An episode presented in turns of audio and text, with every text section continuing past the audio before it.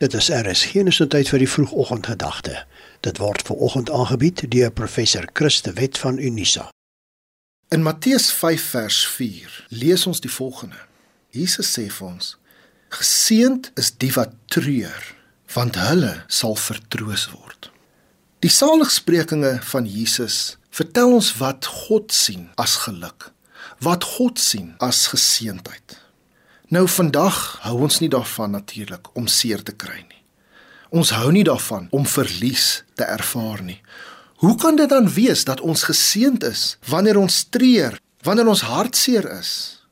Maar dit is tog deel van die menslike ervaring. Dis tog deel van die menslike belewenis, is dit nie? Selfs al wil ons nie hartseer wees nie, selfs al wil ons nie treur nie, is dit iets van hierdie lewe wat ons ongelukkig nie kan vryspring nie.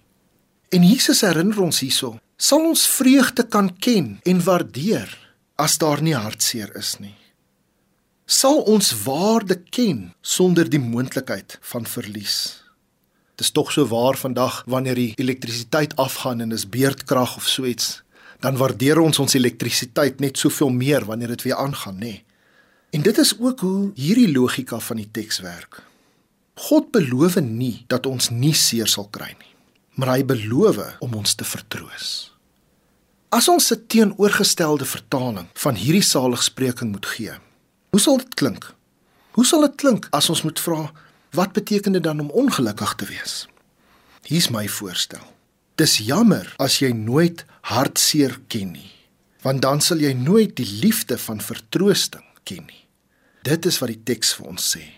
Hierdie teks sê vir ons dat ons anders moet kyk na hartseer en verlies. Want ja, wanneer ons hartseer is, wanneer ons seer kry, wanneer ons verlies ervaar, is dit ook 'n geleentheid waar ons die nabyheid van God kan beleef, waar ons die vertroosting van God kan beleef. En waar ons kan besef hoe afhanklik ons van God is. Ek wil jou uitnooi om anders te kyk na hartseer en verlies en te verstaan dat om gelukkig te wees beteken ook om soms hartseer te wees, maar dit beteken ook dat jy God se vertroosting sal ervaar. Kom ons bid saam. Liewe Heer, daar's dalk iemand wat hier luister wat hartseer is, wat treur, wat depressief is.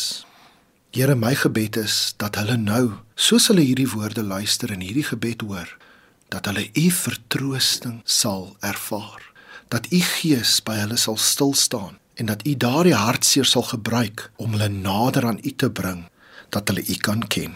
Amen. Die vroegoggendgedagte hier op RSG is ver oggend aangebied deur professor Christe Wet van Unisa.